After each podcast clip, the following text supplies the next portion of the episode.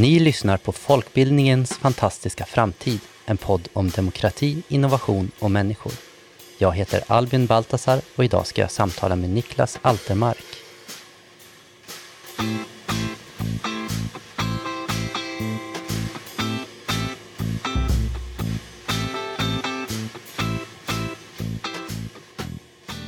Niklas arbetar som forskare och lärare på statsvetenskapliga institutionen vid Lunds universitet. Hans forskningsområden ligger i gränslandet mellan politisk teori och offentlig förvaltning. Niklas har bland annat studerat funktionshinderspolitik med ett speciellt fokus på intellektuella funktionshinder. Han har även varit medlem i Tillitsdelegationens forskningsgrupp där han var delaktig i att ta fram nya styrmodeller för offentlig sektor. Välkommen Niklas, vad fint att ha med dig. Jag är jätteglad att vara med. Tack så mycket. Tack ska du ha. Jag tänkte att vi skulle börja prata om funkispolitik. Mm. Om vi börjar med begreppen. Idag är det många som pratar om funktionsvariationer, funktionshindrade och funktionshinderspolitik har jag läst att du arbetar med och tidigare så pratade man om handikapp. Vilka begrepp ska man använda om man arbetar inom det här området? det finns en ganska stor diskussion kring vilka begrepp som man ska använda och jag tror inte att jag har något slutgiltigt facit på, på den frågan. Jag kan säga någonting om vilka begrepp jag använder. Jag, jag tänker att, att begreppet funktionsvariation det kan vi använda för att peka på att alla människors sätt att fungera på förändras genom livet. Vår funktion är inte statisk utan den fluktuerar helt enkelt. Så för mig blir det lite fel då när man, när man använder begreppet funktionsvariation för att peka ut en, en specifik grupp eftersom själva poängen med begreppet är att visa att, att vi alla är funktionsvarierade över livet. Så jag brukar säga personer med normbrytande funktionalitet när jag vill prata om gruppen som vi tidigare har kallat för handikappad eller funktionsnedsatt. Och sen funktionshindrade, det begreppet använder jag när jag pratar om människor som blir hindrade av ett otillgängligt samhälle. Så funktionshinder är något som uppstår i samspelet mellan människokroppar och, och den miljö och det samhälle som de råkar befinna sig i. Så normbrytande funktionalitet, det är ett långt begrepp, men vad, vad omfattar normbrytande funktionalitet? Ja, men alltså, poängen med det begreppet är vi tänker att vi har begreppet funktionsvariation och det pekar på faktumet att alla människors funktionsförmåga fluktuerar, kan förändras. Och det här har att göra med att vi, vi människor befinner oss i, i, i kroppar och kroppar är ömtåliga. De kan gå sönder, de kan börja fungera på radikalt annorlunda sätt. Men en del då sätt som människokroppar och hjärnor kan fungera på har av samhället definieras som problematiska, som någonting som samhället måste svara på. Det vill säga, de här kropparna bryter mot samhällets normer om hur en kropp ska se ut och fungera. Och för att hantera och, och liksom förhålla sig till, till liksom annorlunda sätt att, att fungera på så har man uppfunnit diagnossystem och klassificeringar och så vidare och så vidare och det här har liksom gjort att, att vi rör oss med då en föreställning om att det finns normala kroppar och de funkar så som det är tänkt och det är inga problem. Och sen så finns det de problematiska kropparna, de, de handikappade som man sa förr i tiden, som avviker från den här normen. Och, och i det forskningsfält då, som jag tillhör så har en, en viktig poäng varit att visa att den här gränsdragningen som finns mellan de avvikande problematiska kropparna och de normala problemfria kropparna. En fiktion är ett samhälleligt påfund. Så man kan säga att min begreppsanvändning styrs lite av denna försöka förhålla mig kritiskt till gränsdragningen som finns mellan det normala och det avvikande. Men det som, då, som du benämner som funktionshindrad, det är när man då inte kan fungera i ett samhälle för att samhället fungerar på fel sätt. Kan man för, förstå det så? Man kan tänka sig att samhället inte är byggt för att passa alla sätt att fungera på. Utan det är byggt för att passa då den här föreställda normala människokroppen och den normala människohjärnan. Men eh, alla kroppar ser ju inte ut på det sättet. Alla hjärnor funkar inte på det sättet. Så när vissa sätt att fungera på möter otillgängligheter i samhället, och blir ens sätt att fungera på hindret. Och det kan till exempel handla om att vi har en norm att man förflyttar sig genom att gå. Men alla människor gör inte det. En del använder rullstol, en del använder rullator och så vidare. och så vidare. Och funktionshindrad blir man när man stöter på en trappa in till en offentlig byggnad till exempel som gör att den här byggnaden blir otillgänglig. Du nämnde diagnoser. Är inte det då en lösning på att okej, okay, nu har vi, kan vi gruppera den här gruppen människor, de har ungefär de här problemen och då kan vi sätta in de här åtgärderna. Är inte det en bra grej? Det, det kan vara en bra grej, det kan vara en, en dålig grej. Jag tror att poängen är, till exempel om vi tar intellektuellt normbrytande funktionalitet, då, så är beskrivningen kring den här gruppen att under första halvan av 1900-talet så upptäckte man någonting som bara fanns hos vissa människor. Eh, man upptäckte den här specifika sättet att fungera på. Man uppfann diagnoser som beskrev hur de här människorna såg ut och sådär. Och min poäng är att det var liksom inte så det gick till. Snarare så var det så att, att i början på 1900-talet så fanns det en stor oro för kriminalitet, för att befolkningens genpool skulle försämras om så kallat då dåliga människor förökade sig för mycket och så vidare. och så vidare. Det fanns en föreställning om att det fanns människor som var problematiska för att de var för ointelligenta helt enkelt. Och politikerna ser detta, säger att det här är ett problem, men så säger man också att vi vet inte vilka de är. Och det är först därefter som den här jakten på klassificeringsinstrument sätter igång. Och så börjar man undersöka, man börjar uppfinna kriterier som ska ringa in vilka den här gruppen är. Och man använder framförallt IQ-test för att göra detta. Och poängen med att, att se att det är så historien för den här gruppen ser ut är att det här handlar liksom inte om att forskare går ut och upptäcker någonting som redan finns där. Utan det handlar om att det finns en politisk problembeskrivning som sen gör att forskarna går ut och uppfinner den här gruppen. Och när vi har sett det, att det här är en, ett socialt klassificeringsinstrument det har att göra med politik, det har att göra med makt. Så därefter kan vi ställa frågan om diagnoser är bra eller dåliga. Vi vet att det handlar om, om makt, vi vet att det handlar om politik.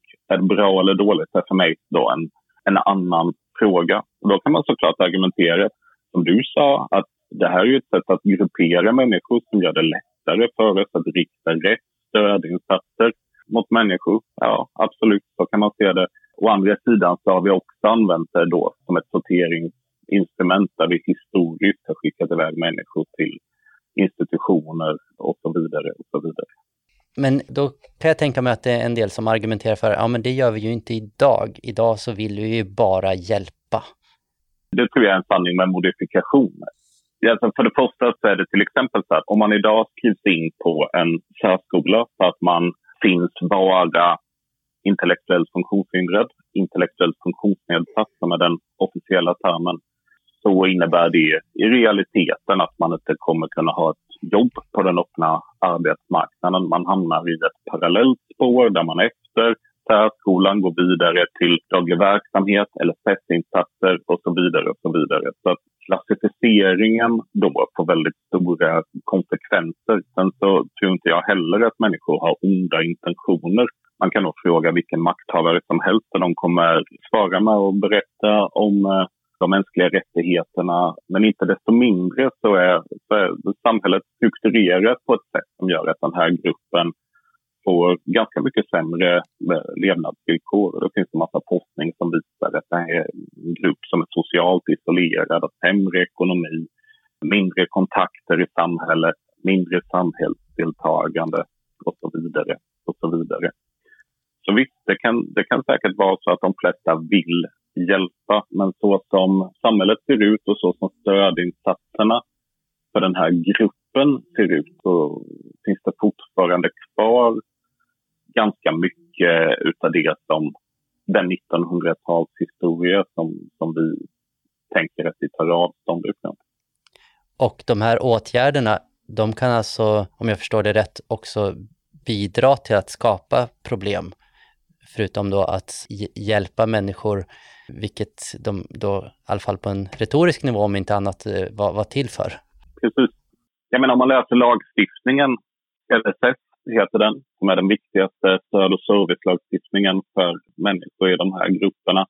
Så det är jättetydligt att ambitionen i den lagstiftningen är att människor ska få stöd, att leva självbestämmande liv, att man ska få styra sitt eget liv och man ska få göra detta som en aktivt deltagande samhällsmedborgare på jämlika villkor.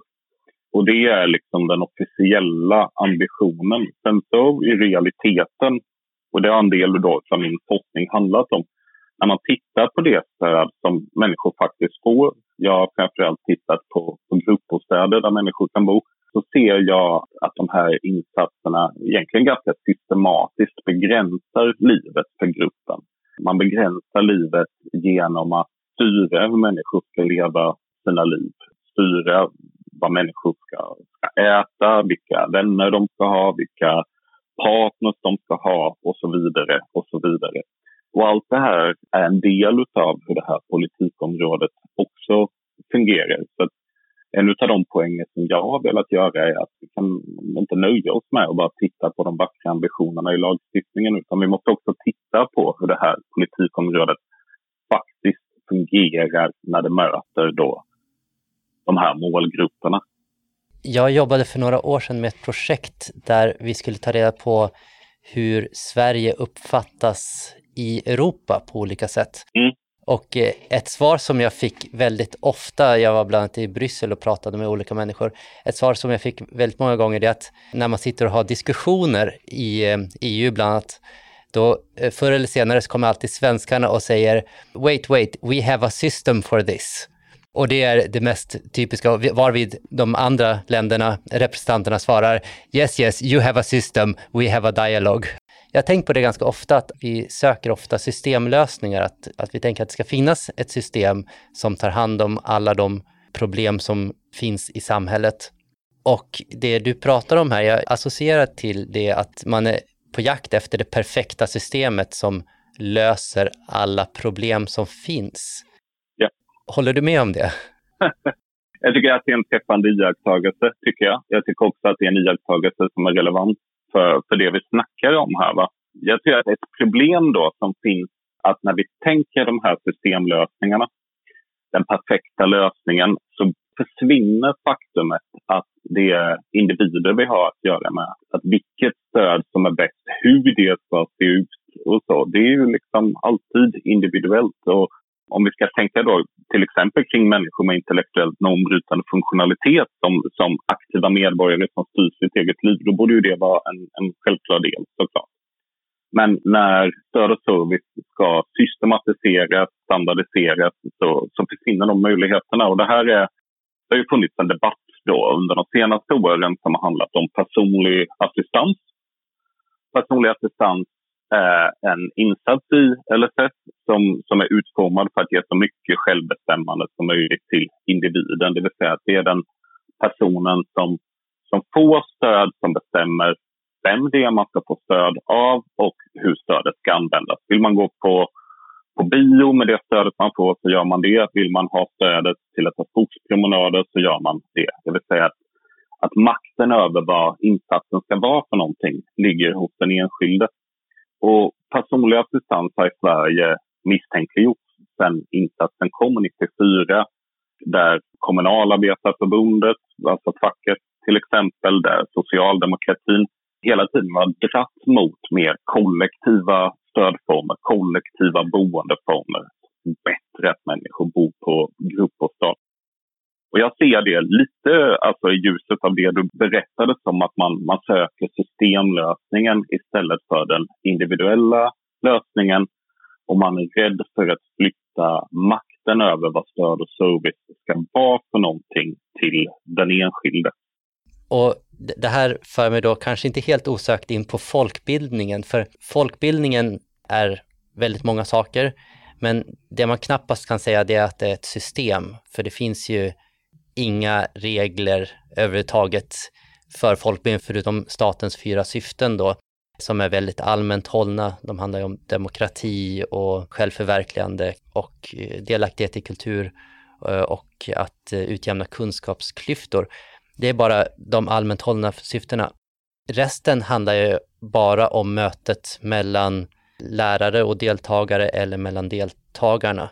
Det finns ju inget annat, det är bara vad som händer mellan dem och vilket behov som deltagaren har. Mm. Är det någonting som man kan utveckla vidare i en funktionshinderpolitik? Ja, men det ser jag. Alltså jag, jag tror, för det första så, så om man har det här, det här synsättet som jag pratade om i början, att vi alla har funktionsvariationer, vi funkar alla på olika sätt. Samtidigt så är samhället mallat och strukturerat på ett sätt som gör att vissa av oss inte passar in. Så tänker jag kring folkbildningens möjligheter som en plats då, eller som platser där man kan utforma bildning och utbildning på sätt som inte är lika bundet till de här strukturerna och mallarna. Vilket också då kan skapa möjligheter för människor som inte har passat in i hur samhället tänker kring vad utbildning och bildning är för någonting. Att, att liksom hitta en plats. Och jag tycker att om man tittar på folkhögskolorna till exempel så är det i ganska stor utsträckning det samhällsuppdraget man har. När jag själv läste på folkhögskola så hade jag liksom äran att, att lära känna fantastiska människor som inte hade funnit sig i den standardiserade gymnasieskolan och, och där de helt plötsligt hittade en, en plats där deras sätt att fungera inte längre var ett problem. Så på det sättet så tror jag att samhället har såklart ett behov av strukturer och standardisering och så vidare och så vidare. Men det är superviktigt tror jag att vi bevakar de utrymmen som kan vara frizoner från det där. Och det är en, en, en jämlikhetsfråga som, som, som vi alla tjänar på. För att vem som helst av oss, alla av oss, kommer att stöta huvudet i väggen i liksom, system som inte funkar med vilka vi är. Och då behövs de här frizonerna för att, att vi ska hitta platser där, där vårt sätt att fungera funkar bättre, accepteras och, och ha en naturlig plats. Så folkbildningen som en frizon från, vad ska man säga, samhällets begränsningar eller normer? Ja, någonting sånt. Jag menar, här pratar jag, jag är liksom forskare om om välfärdspolitik och jag forskar om normbrytande funktionalitet och funktionshinderpolitisk historia. Mina erfarenheter av folkbildningen är att jag själv har gått på en folkhögskola och, och liksom sådär. Så att det, nu är det, inte, det här är liksom en forskningsbaserad kunskap utan mitt fritt spånande från en, en samhällsmedborgare som vill ha ett mer liksom, inkluderande samhälle. Om vi då går till just forskningen, har du, har du stött på forskning kring vad folkbildningen betyder för människor med normbrytande funktionalitet? Eller har du själv tittat någonting på det området? Nej, det har jag inte tittat på. Jag menar, det finns, det finns mycket skrivet om otillgängligheten i, i eh, skolan, så som den ser ut idag. Det finns mycket forskning som visar att de här särlösningarna, den segregerade skolan där man sorterar ut människor med funktionshinder, eller som blir funktionshindrade, eh, att det får negativa konsekvenser. Men det finns också forskning som visar att det kan bli väldigt negativa konsekvenser för människor som tvingas eh, gå i en standardiserad skola som inte tar hänsyn till att man fungerar utanför normen. Men däremot så känner jag inte till någon forskning som, som specifikt handlar om folkbildningen och dess möjligheter som, en, som ett alternativ. Vilka är trenderna idag då och åt vilket håll rör sig funktionshinderspolitiken? Under de senaste tio åren tycker jag att det har gått bakåt.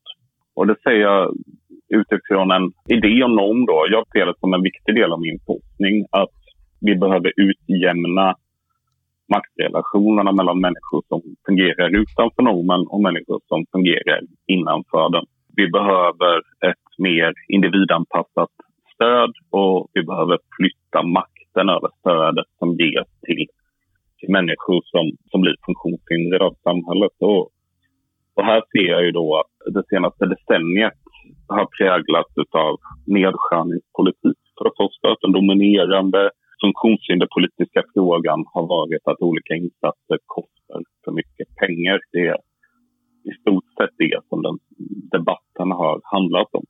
Och ja, men det här har lett då till att utrymmet för att debattera andra funktionshinderpolitiska frågor har, har försvunnit.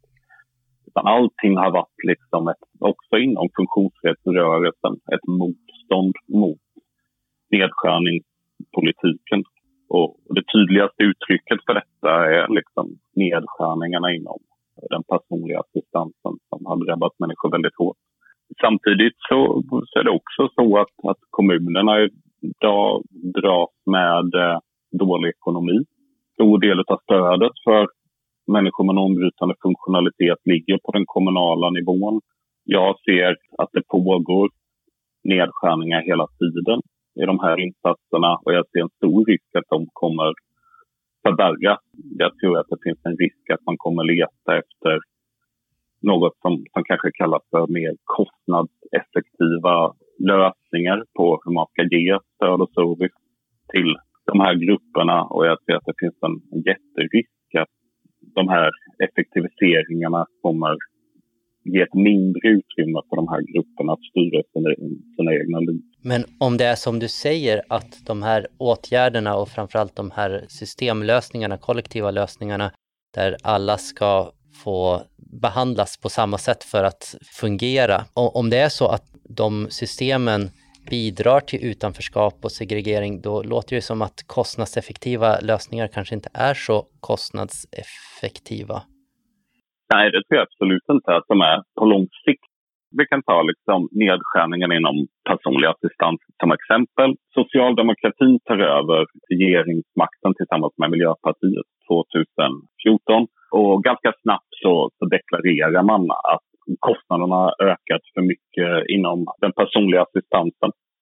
Och så ger man Försäkringskassan ett uppdrag då att de ska bidra till att kostnaderna minskar vilket gör att Försäkringskassan beviljar mycket färre assistanstimmar. Så när människor ansöker om den här insatsen så är det idag jättesvårt att, att få den. Då. När människor får mindre personlig assistans så kommer såklart de kostnaderna flytta någon annanstans. De här människornas behov försvinner inte. En del av de här kostnaderna flyttar till kommunerna det vill säga människor som inte får det här individualiserade stödet får flytta in i gruppbostad istället. En del av kostnaderna kommer tas över av anhöriga som inte kan jobba lika mycket för att de måste vara hemma och ta hand om sina närstående när samhället inte ger stöd. Plus att personlig assistans ger då människor med normbrytande funktionalitet möjlighet att arbeta och bidra i samhället. Problemet är att alla de här ekonomiska vinsterna är långsiktiga medan besparingen är kortsiktig. Det vill säga att staten kan i statskassan på, på kort sikt frigöra utrymme genom att skära ner här. Men på lång sikt så är det tveksamt hur mycket man egentligen sparar. Och dessutom, som jag liksom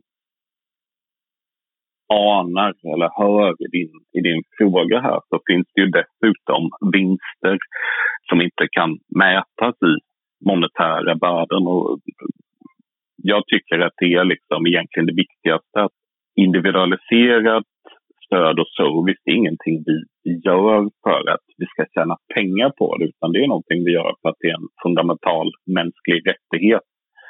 Så även om det är så att det kanske kostar jättemycket pengar att ge människor ett, ett värdigt liv där de får chansen att vara aktiva samhällsmedborgare som, som deltar i samhället på jämlika villkor. Även om det kostar skitmycket pengar så är det någonting vi ska göra för att det är den typen av samhälle som vi vill leva i. Samtidigt så tänker jag att det är väldigt svårt att övertyga med ideologiska argument för att, att alla ska ha ett värdigt liv. Det tror jag att de flesta politiker skriver under på samtidigt som man inte vill tillföra då kanske mer pengar till eh, LSS-boenden eller personlig assistans eller vad det nu är. Eh, och, och därför så tänker jag att ibland så behöver man faktiskt hård fakta om hur ekonomi funkar på lång sikt och kort sikt. Finns det forskning på vilka ekonomiska effekter en mer långsiktig funktionshinderpolitik kan medföra eller vilka kostnader det kan innebära om man tänker kortsiktigt? Mm, det finns för lite forskning om det, alldeles för lite forskning.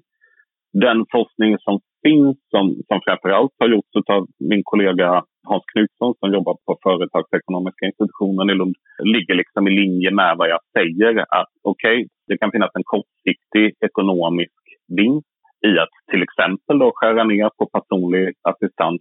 Men i stor utsträckning handlar det om att kostnader flyttar någon annanstans samtidigt som vi förlorar då mer långsiktiga vinster. Som statsvetare är jag liksom expert på hur politiska processer fungerar, hur politik motiveras. Jag kan en hel del om, om liksom ideologi också.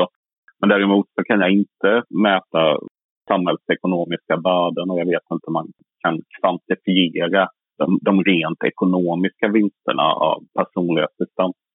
Det är svårt det där. Va? Jag känner att ja, ur ett strategiskt perspektiv så har du rätt. Det är ett kraftfullt argument när man kan peka på de ekonomiska vinsterna av ett humant och eh, individualiserat stöd för människor i de här grupperna. Det är nog ett argument som somliga politiker är mer benägna att lyssna på. Men samtidigt så bekymrar det mig att när vi förflyttar diskussionen dit så är det som att vi accepterar att värdet som funkispolitiken mäts i är ekonomiskt. Det blir på något sätt som att man bedriver den politiska debatten på motståndarens planhalva och utifrån regler och mått som, som egentligen är ganska problematiska. Jag tror att det där, det där är liksom en strategisk fråga, en avvägningsfråga som i alla fall måste belysas och diskuteras. Okej, okay, det kan finnas ekonomiska vinster, men när vi trycker på detta som en ekonomisk fråga finns det inte en risk att vi samtidigt då säger att, att de här människornas livskvalitet framförallt har ett ekonomiskt värde. Jag tänker att den här diskussionen och det resonemanget som du har kring den mänskliga dimensionen och, och om den går att värdera eller inte, det är samma frågeställning som folkbildningen står inför. Är folkbildning någonting som är värdefullt i egen rätt på grund av det livslånga lärandet och att alla människor har behov av att utvecklas och, och, komma närmare sin potential och bli fullvärdiga samhällsmedborgare och så vidare. Även där så finns det ett problem med att eh, det är inte alla som förstår eller har en relation till folkbildningen och därför så när man bara tittar på det utifrån så kan det uppfattas som att det är lite flum eller att det är, jaha, där sitter ni och, och drejar med lera eller vad det nu är för någon nidbild man har. Och jag tänker att den här personliga assistansen som utgår från individens eget behov, den kanske väcker samma typ av reservationer när man säger att jaha, du ska gå på bio du. Så jag tänker att det finns en, en tydlig koppling där mellan att, att det, det kan uppfattas som flum när det i själva verket både handlar om en långsiktig investering i medborgarna om man vill se det i ekonomiska termer, men också en, en satsning på människovärdet om man ser det i mer ideologiska termer. Ja, nej, men jag håller helt med. Den typen av föreställningar tror jag absolut finns. Och, och jag tror att ett sätt att tänka kring den här typen av konflikter är i termer av, liksom, ja, men om man tar folkbildningen då som, som Sverige, så så tänker jag att, att, att ni som befinner er i den världen tänker på detta som en demokratifråga, rätten till bildning och, och liksom ett uppdrag att verka för jämlikhet i samhället. Samtidigt finns det då ekonomiska värden som handlar om, om hur man egentligen i grund och botten om man får till en så effektiv eh, produktion och kan skapa så mycket värde i samhället som möjligt. Eh, och jag tror att det finns en tendens att allt mer och allt fler av demokrativärdena transformeras till att bli ekonomiska värden. Och det är ett problem för att det kan faktiskt vara så att de ekonomiska värdena och de demokratiska värdena kan hamna i konflikt med varandra. Ni ställs väl inför samma strategiska fråga. Ska vi trycka på att folkbildningen är viktig för att vi kan hjälpa människor att bli anställningsbara genom att man får gå allmän linje på en folkhögskola eller vad det nu kan vara? Eller ska vi trycka på att detta är liksom ett demokratiskt uppdrag? Och jag tror att på kort sikt så kan man använda de här ekonomiska argumenten, absolut. Men min ideologiska utgångspunkt är att vi inte vill ha ett samhälle som helt domineras av ekonomivärdena, utan vi vill ha ett samhälle som domineras av demokrativärdena och där ekonomivärdena blir ett, ett komplement.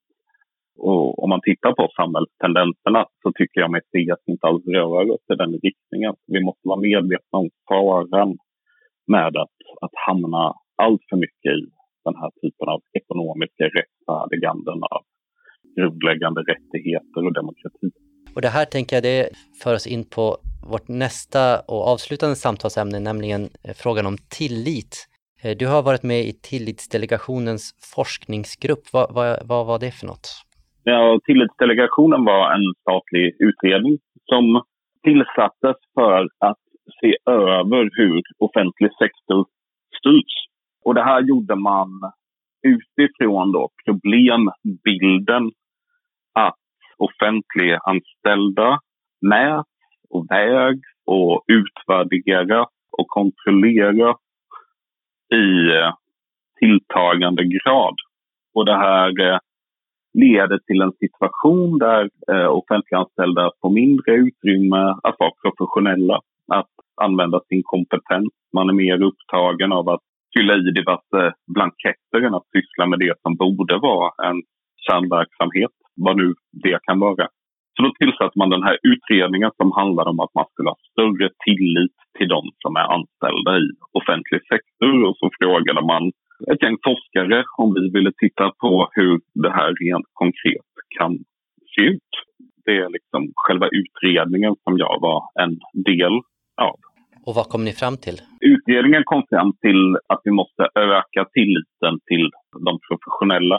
Vi måste lita på att undersköterskor är proffs på att vara undersköterskor, att lärare är proffs på att vara lärare och att de kommer vara proffs även om vi inte utvärderar precis allting de gör och inte detaljreglerar allt det de gör. Så att man kan säga att utredningen landade i, ja, men i att man argumenterade för en förskjutning där man ger större makt över hur arbetet ska utföras till de som arbetar närmast medborgarna, kan man säga. Jag var med i den här utredningen. Jag delar helt utredningens problembeskrivning av den ökade kontrollen av offentliga anställda. Jag ser också att en sådan förskjutning av makten och ett ökat handlingsutrymme hade varit superbra. Samtidigt så forskar jag om, om handläggare på Försäkringskassan som dessutom lyder under samma minister som tillsatte den här utredningen.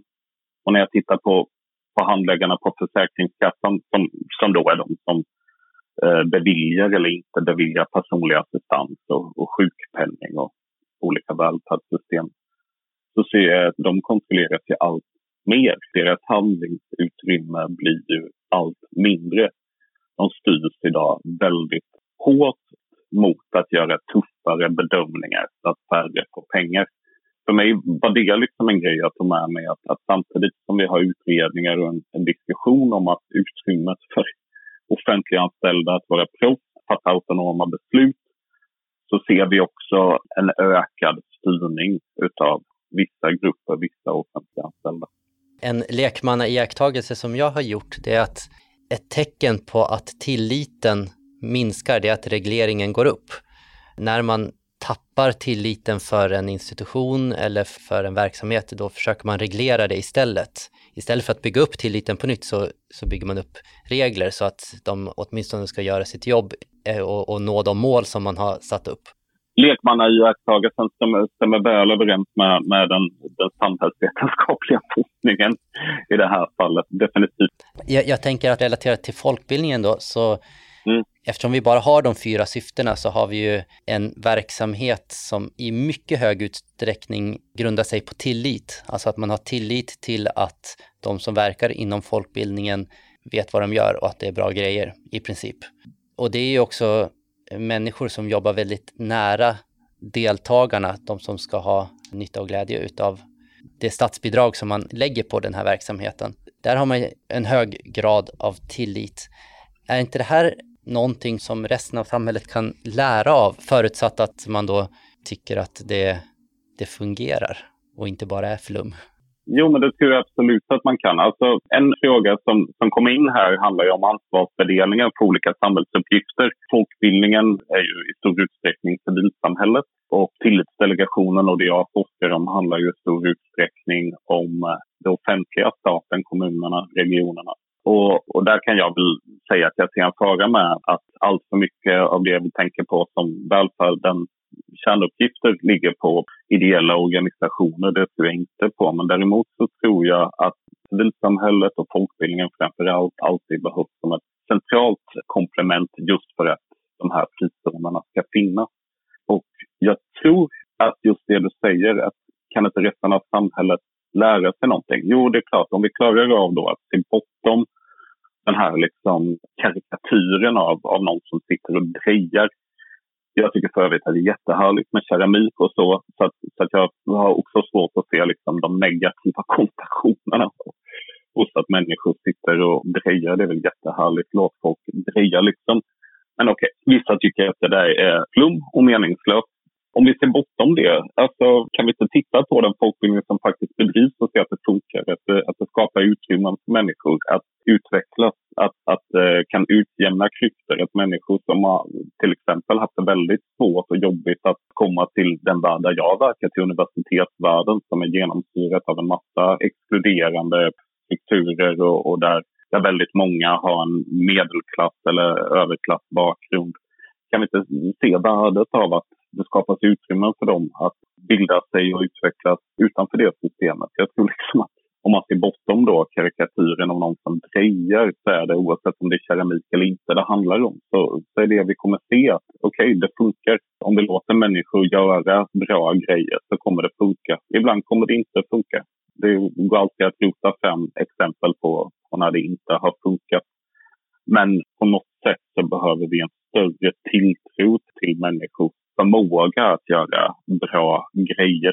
Det som kanske inte är så synligt för de som inte är bekanta med folkbildningen, det är att folkbildningen så i så hög grad handlar om relationer mellan människor och att det är där magin uppstår så att säga. Att jag ser dig, jag lyssnar på dig och jag försöker förstå dina behov och göra mitt bästa utifrån det jag ser här och nu, utifrån vem du är och vad du behöver. Men det, det känns ju som väldigt svårt att skapa den typen av relation mellan en eh, brukare och en handläggare på Försäkringskassan. Absolut. Här har det skett något intressant för övrigt. För här kan jag då, som, tillsammans med en kollega som gjorde intervjuer med handläggare för 15 år sedan, så ser ju vi att handläggarrollen har förskjutits också. För 15 år sedan så beskrevs handläggare ofta som medborgarens advokat jag ska hjälpa dig att få det stöd du har rätt till. Du ska inte ha massa stöd som du inte har rätt till enligt lagstiftningen, men jag ska lotsa dig genom systemet. Du som individ är viktig för mig. Den kunskap jag har genom att träffa med dig, prata med dig, förstå din livssituation är, är central för att jag ska kunna lotsa dig genom det här systemet. Och den arbetsrollen finns egentligen inte kvar idag. Idag handlar handläggandet om att man ska bedöma ett läkarintyg där man rensa bort egentligen allting som är den individuella livssituationen. Utan det handlar bara om vilken sjukdom har du, vilka funktionsnedsättningar leder sjukdomen till, vilka aktiviteter kan du inte utföra. Så att det blir en mycket, mycket mer standardiserad bedömning. Och allt det som du beskriver då som, som relationen mellan människor där man förstår varandra, man kommunicerar med varandra och möts på något sätt. Den liksom har rensats bort från jobbet. Sen så är det såklart så att när det handlar om behovsprövade välfärdsinsatser så finns det ju alltid en, maktrelation. människor har behov av stödinsatser och handläggaren ska bestämma om man får det eller inte. Den maktrelationen är svår att göra sig av med så länge vi har behovsprövade välfärdssystem. Men det är liksom inget snack om att välfärdsstaten har rört sig mot att rensa bort just den typen av personliga möten bedömningen av vilka behov av stöd som människor har. Det blir en enklare ekvation så kanske? Ja, exakt. Det blir enklare, lättare att, att styra. Och faktum är att man liksom under flera år just på Försäkringskassan har misstänkliggjort det här personliga engagemanget för individen för att man har tänkt sig att det leder till att man betalar ut för mycket pengar. För när människor känner empati med, med människorna som ansöker om bidrag så, så kan det leda då till att man beviljar bidrag till människor som inte ska ha. Och det kanske är någonting som vi ska säga till eh, folkbildningen då, om du tillåter mig att vara lite ironisk, eh, att det är kanske är bäst att vi tar bort den eh, mänskliga relationen mellan deltagarna och mellan deltagare och lärare, så får vi en mer effektiv kunskapsinlärning. Precis, om ni, om ni vill syssla med ekonomivärdena. Men, men det, det är liksom samma sak där, att det är liksom, ja, man blir det så himla mycket bättre jag tror egentligen, alltså diskussionen vi var inne på innan, att det, det liksom blir inte heller mer ekonomiskt effektivt när vi, när vi bygger bort människan ur systemet för möjligheten att individanpassa och hitta rätt lösning för personen försvinner.